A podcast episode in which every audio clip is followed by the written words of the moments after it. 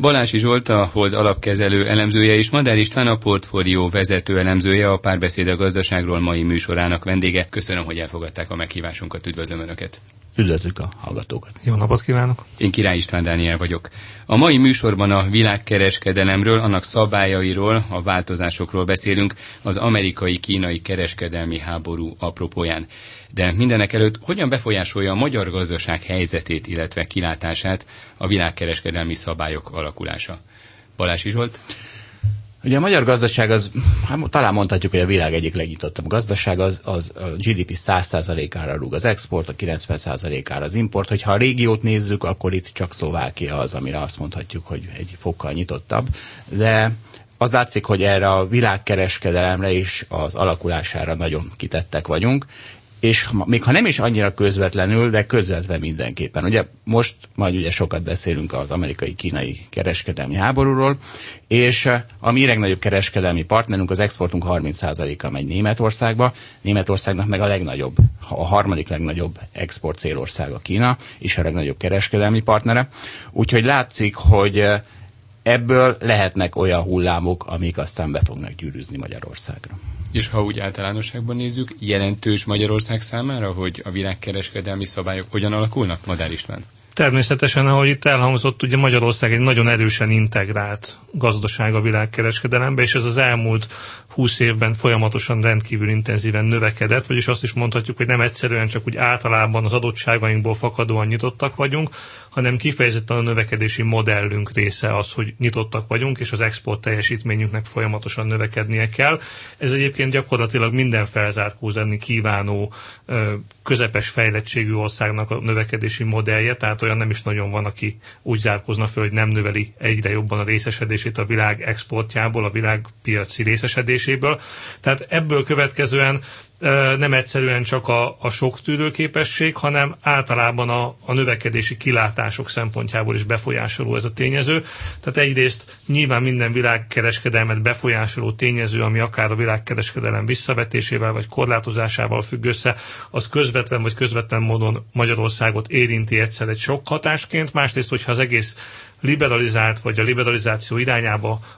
menő világkereskedelem esetleg egy új tendenciát vesz föl, akkor az a magyar gazdaság növekedési kilátásait, vagy akár a növekedési szerkezetét, a modelljét is újra gondolásra késztetheti. Vajon az amerikai-kínai kereskedelmi háború valaminek az oka, vagy valaminek az elindítója? Milyen szabályok vannak, amelyek úgy tűnik, hogy nem működnek a világkereskedelemben? Mik azok a szabályok, amelyek ma már tulajdonképpen ideje múltak? Balási Zsolt? Hmm, hát ö, úgy közelíteném meg, hogy én szerintem három nagy fundamentális változás van a világban, ami a, az elmúlt években láttunk. Ugye az első az az, hogy a populizmus előre tört, és ez egyfajta tyúktojás probléma, hogy a populista pártok kezdték el rossz színben feltüntetni a világkereskedelmet és a globalizációt. És ezért tűnnek egyre rosszabb szintben. Vagy fordítva, a világkereskedelmi és a globalizációnak vannak olyan hatásai, amitől aztán a populista pártok egyre népszerűbbek lesznek. Ez az első nagy változás, és ugye ennek a populizmus erősödésének a fő produktuma jelenleg az Trump.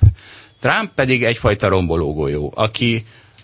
ugye ezt építkezéseken használjuk, amikor leverjük a már nem szükséges épületeket, és amikor Trumpot ráeresztjük a státuszkóra, ugye ő ezt ígérte a, a választóinak, hogy ő már pedig mindent föl, nem,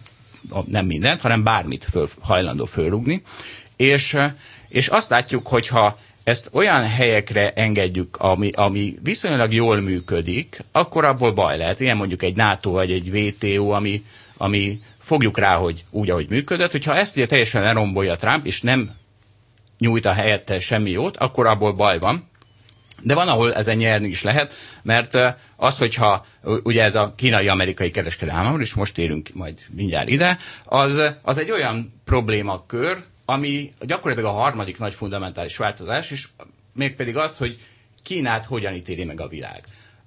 Most lesz ugye épp az amerikai midterm elections, időközi választások, aminek az egyetlen olyan pontja, amiben mind a két nagy párt megegyezik, az az, hogy Kína az nem, nem a szabadkereskedelem élharcosa, hanem inkább egyfajta gátolója. Kína ugye tisztességtelen üzletpolitikát folytat, ugye a, leginkább a, a szellemi jogokkal vannak problémák. Tehát ez az, amiben mindenki megegyezik, de ez egy-két éve nem így volt. Pont most olvastam egy cikket, hogy a Német Iparszövetség, ez a legnagyobb szakmai és legnagyobb tekintélyű német ilyen szervezet, a közeljövőben megjelentett egy olyan ajánlást, amiben azt ajánlja a német cégeknek, hogy a Kínával, Kína iránti függőségüket kezdjék el csökkenteni. Ez néhány éve elképzelhetetlen volt. Ugye Kína volt a, a világ gazdasági növekedésének a motorja, minden cég azt szeretné, hogyha oda minél nagyobb kitettsége lenne, és most a Német Iparszövetség ezt, ezt megfordítja. És talán ugye ez a Kína megítéléshez még hozzátartozik, hogy a, demo, a, nyugati demokráciák úgy gondolták, hogy amikor Kínába is eljön a jólét, megelősödik a, a, a, a középosztály, akkor el fog indulni egyfajta demokratizálódási folyamat.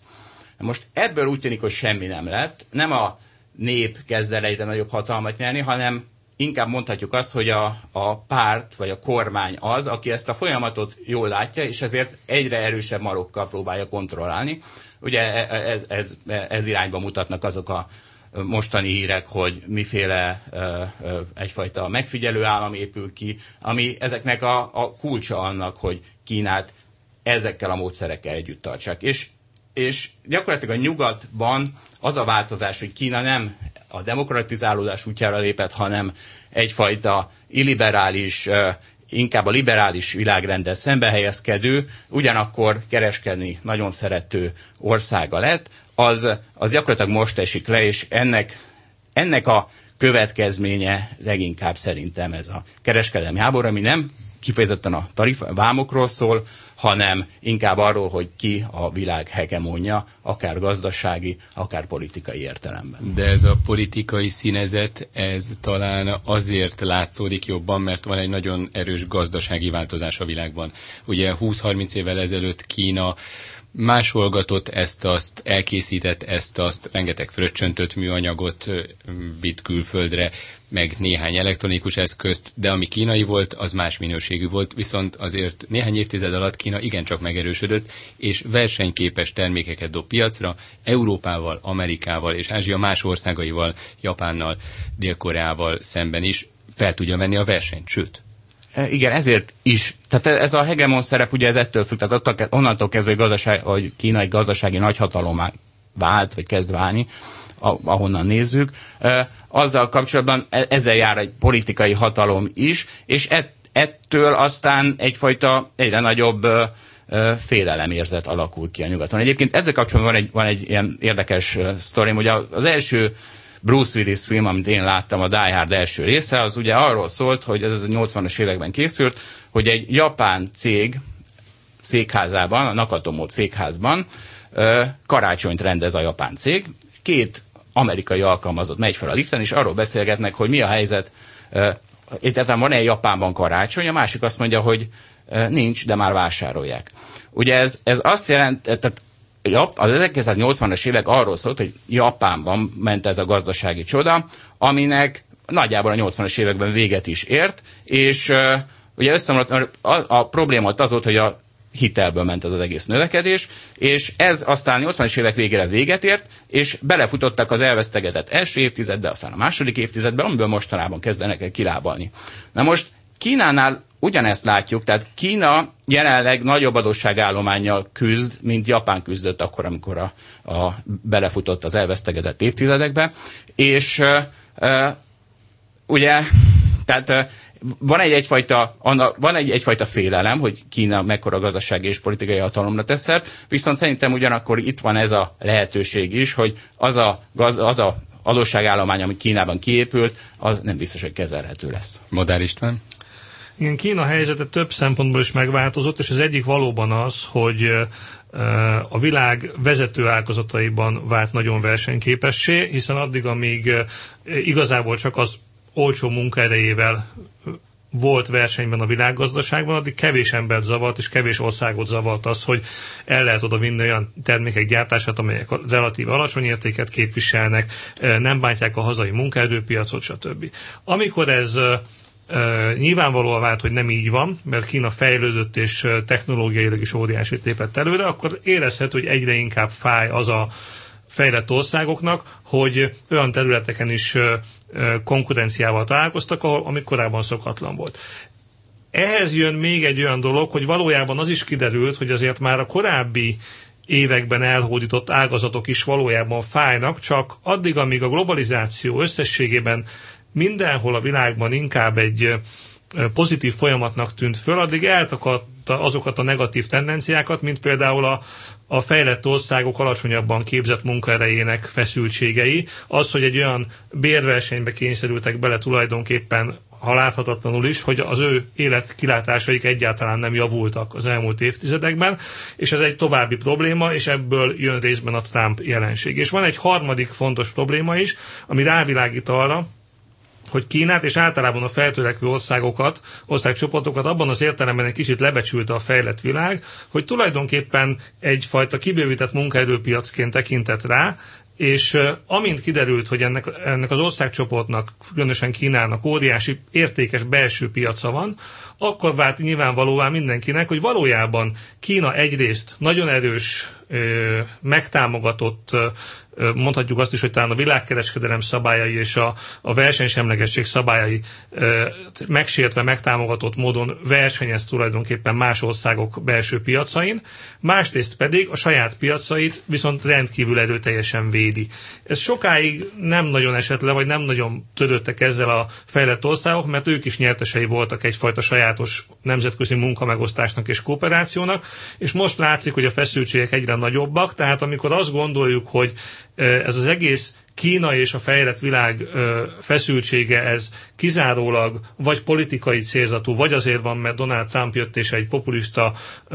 vezető, az, azt akkor félreért, és ennek van alapvető erős gazdasági alapja is, és ezek, ezek a problémák, amelyeket fölvet most a fejlett világ és személyrehány Kínának, ezek bizony elég jelentős és jogos kritikák, amelyekre a kínai válaszok egyelőre elég hát visszafogottak. Ugye éppen most ad Kínában egy nagy világkereskedelmi fórum, ahol tulajdonképpen a, kínai elnök látszólag megígérte azt, hogy óriási piacnyitást hajt végre. Aztán, amikor el, elejtett néhány számot is, akkor kiderült, hogy ha kicsit utána számolunk, hogy mondjuk évente 5%-os importbővülést feltételez az országa számára a következő 15-20 évre, csak összevetésként tavaly hoz képest 10-15 százalékos ez a bővülés, vagyis magyarán szóval nem, hogy nem kíván tovább lazítani a szabályain, vagy nem kívánja nyitni a piacait, de legalábbis a saját számításai és makrogazdasági pályája alapján Kína továbbra is a bezárkózó politikát kívánja folytatni, és a belső piac rendkívül kemény védelmét, ami nyilván nem egy fair fel akkor, hogyha egyébként meg ő a globalizáció első számú élharcosa és a világkereskedelem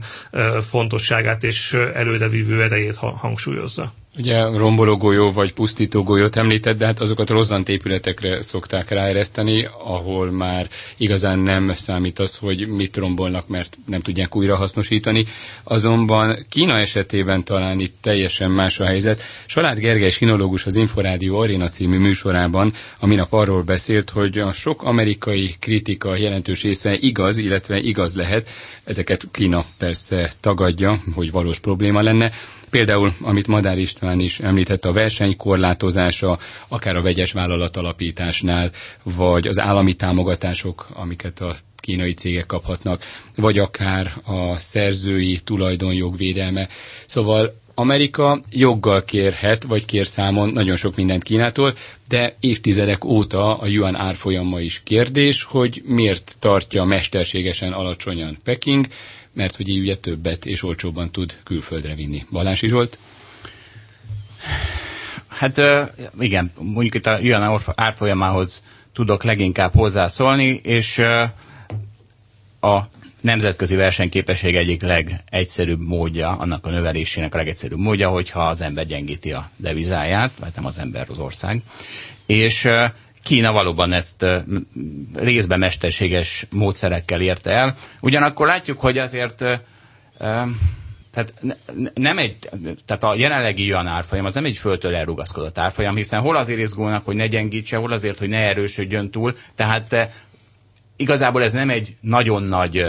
szerintem nem egy nagyon nagy problematika, hiszen ugye most például az, arról szólnak a híradások, most amikor amióta a kereskedelmi háború gyakorlatilag a piacokon is elkezdődött,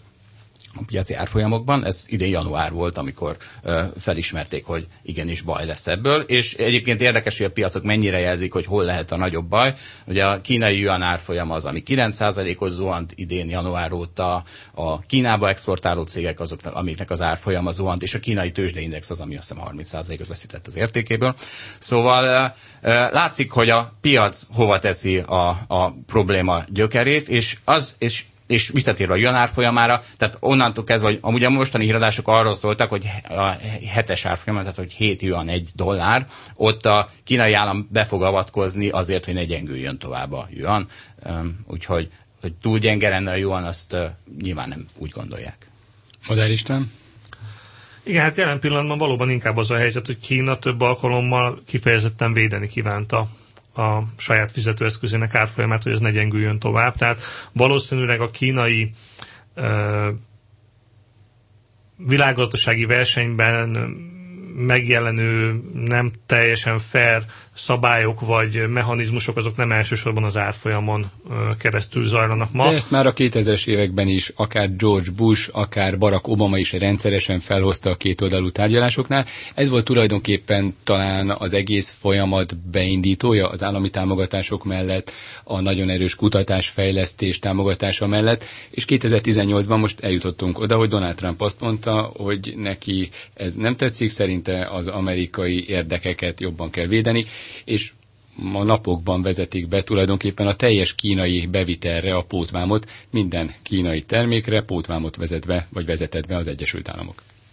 Ez így van, a, ugyanakkor valóban ez teljesen jogos észrevétel, hogy amikor először fölmerültek ezek az aggodalmak, akkor elsősorban az árfolyamon keresztül merültek föl, de talán azért van ez így, mert arra volt egy intézményesített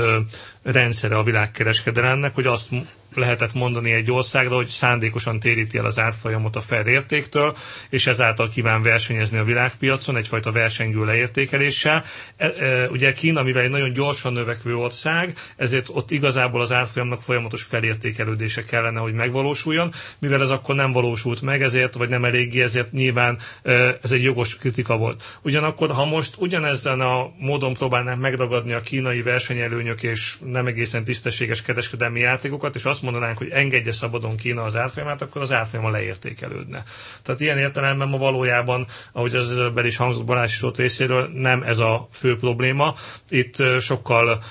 inkább más területeken, az előbb elhangzott területeken érdemes inkább keresgélni. Nem elsősorban az árfolyam rendszer vagy az árfolyam politikája aggasztó Kínának ilyen szempontból, hanem ugye van neki egy alapvető versenyelőnye, amely elsősorban a globalizálódó és egyre inkább korlátok nélkül kereskedhető világban az ő alacsonyabb béréhez kötődik, és ehhez úgy tűnik, hogy Kína sikeresen ugorja meg legalább az első lépéseket ahhoz, hogy közepes fejlettségű országá váljon, azzal, hogy hogy legalábbis az egyfőre jutó GDP tekintetében is, azzal, hogy nagyon sikeresen adaptál technológiákat, amelyeket akár ellop, akár továbbfejleszt, de minden esetre ügyesen vesz át szellemi termékeket, és azokat aztán gátlástalanul használja. Ez egyébként ugye nem példanélküli, mert Japán ugyanilyen vádak érték annak idején, amikor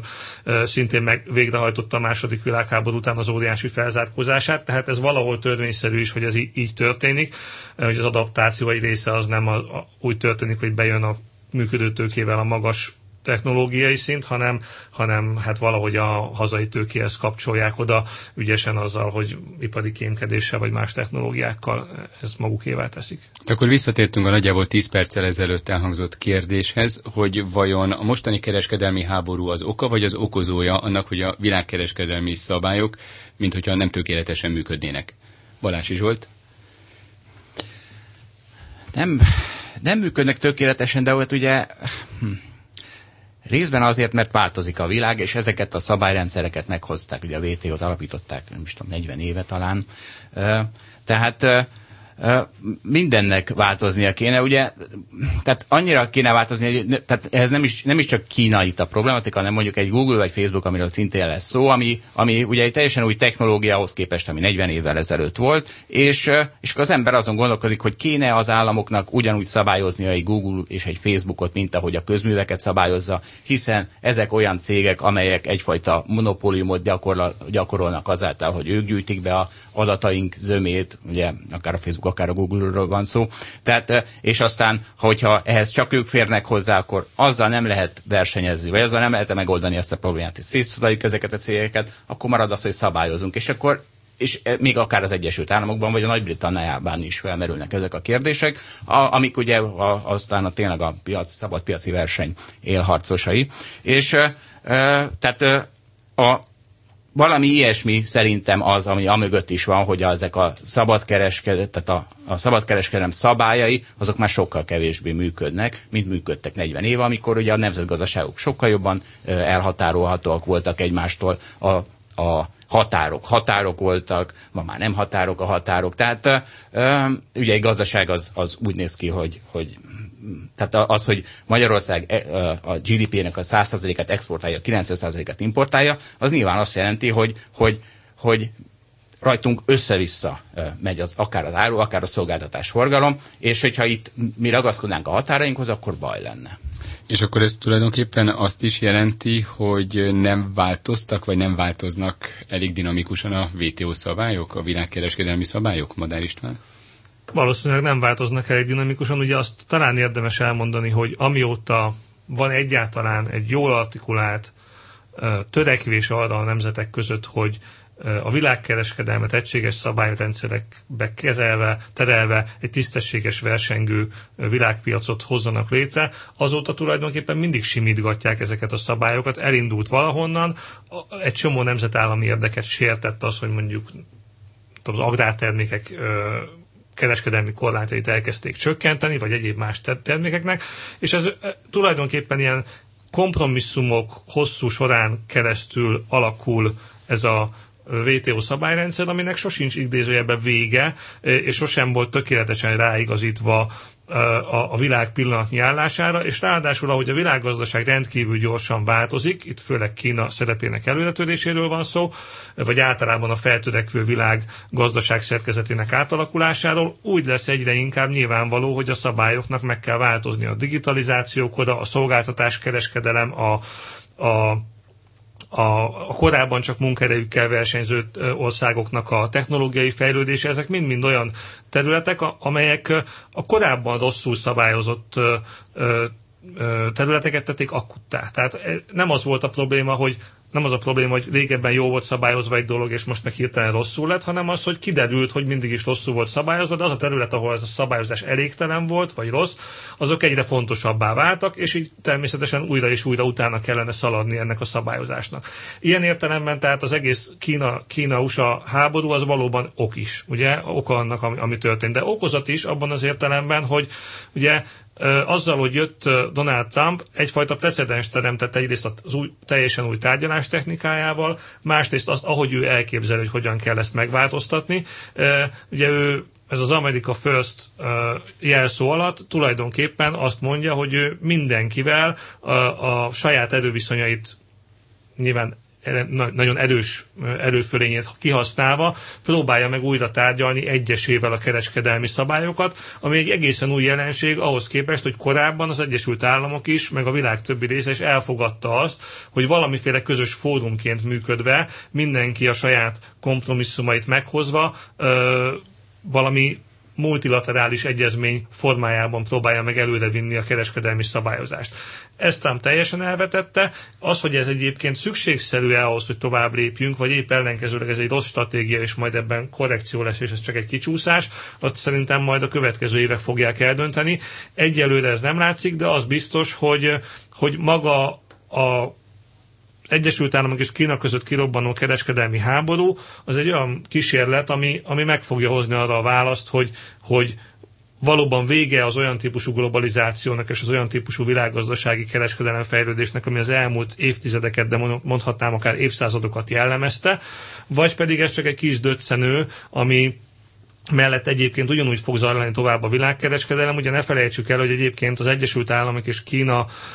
viszonylatában ez a külkereskedelmi korlátozás, amik most bevezetésre kerülnek, ezek néhány százalékot tesznek ki a teljes világkereskedelemből, tehát nem egy óriási tételre vannak kivetve ezek az új vámok és egyéb korlátok, hogy ez eludalkodik-e úgy általában a világkereskedelemben, vagy sem, azon fog múlni az, hogy például Magyarország mennyire érzi meg, vagy hogy mennyire tekinthetjük ezt a gyújkorszaknak. Hogy az Európai Unió és a magyar gazdaság számára mit jelentenek ezek a korlátozások, ezek a pótvámok, és egyáltalán a világkereskedelem változása, erről beszélgetünk majd a hírek után. A párbeszéd a gazdaságról mai műsorának vendége Balási Zsolt, a Hold alapkezelő elemzője, és Madár István a portfólió vezető elemzője.